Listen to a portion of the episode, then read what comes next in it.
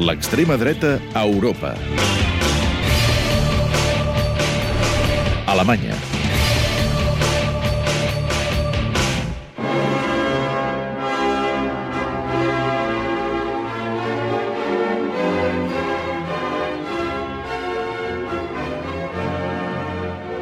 El passat 3 d'octubre, Alemanya celebrava el 20è aniversari de la reunificació, una efemèride que el president federal va commemorar amb un discurs que va desfermar una gran polseguera. El motiu, l'afirmació de Christian Wolff, segons la qual l'islam forma part d'Alemanya. Adversaris polítics, però també companys de partit a la CDU van criticar durament el discurs. I el que és més significatiu, segons una enquesta publicada al diari Bild, on 66% dels alemanys va rebutjar de ple les afirmacions de Wolff sobre l'islam.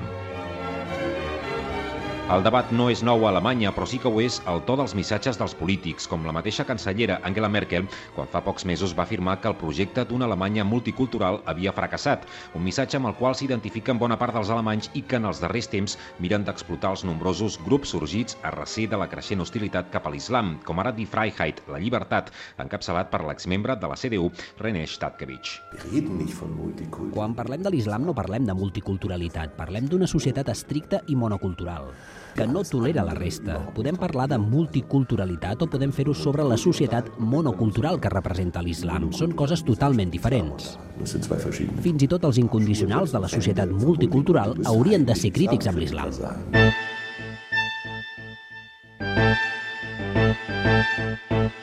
Amb Die Freiheit, Stadkevich pretén obtenir representació parlamentària als propers comicis regionals del setembre a Berlín, per més tard consolidar la seva presència a escala federal. Les enquestes semblen concedir-li una base electoral per explotar. Segons un estudi recent, un 37% de la població assegura que Alemanya estaria millor sense l'islam i un 35% diu que està preocupat davant la possibilitat que l'islam s'estengui a la societat alemanya, dades que, segons Stadkevich, reflecteixen el fracàs dels partits tradicionals.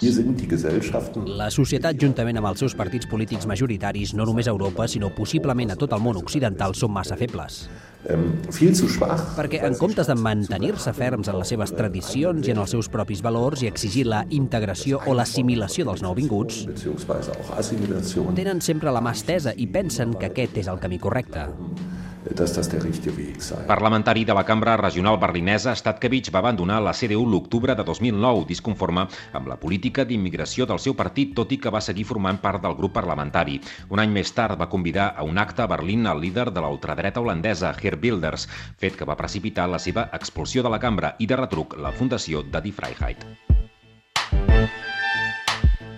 Però Die Freiheit no és pas un fenomen únic. Altres plataformes, com els denominats Pro-Bewegung, és a dir, Moviment Pro, han aconseguit una notable implantació, com el Pro-Rin del Nord-Westfàlia, Pro-Deutschland i Pro-Colònia, que disposa de grup propi a l'Ajuntament de la ciutat.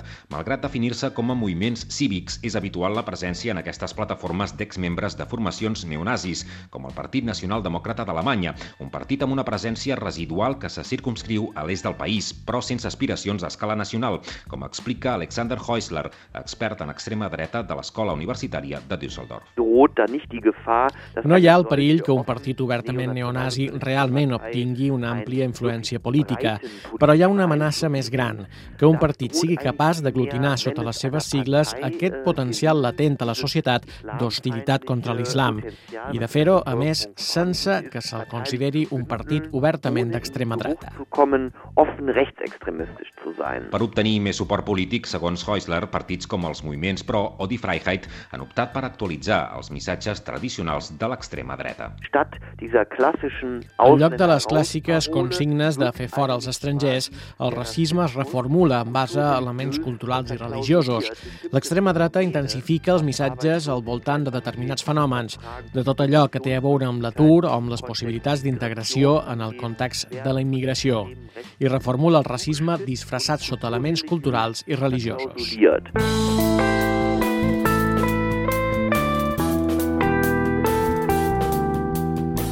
El 2011 és any electoral a Alemanya, amb fins a 8 comicis regionals i municipals, una oportunitat per avaluar el possible ascens de l'extrema dreta.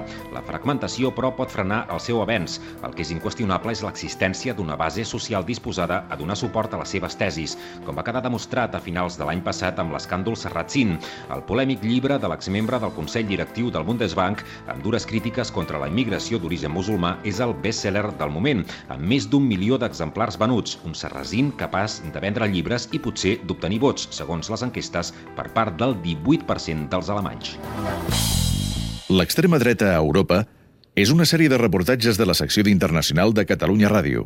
Podeu tornar-la a escoltar a catradio.cat barra extrema dreta.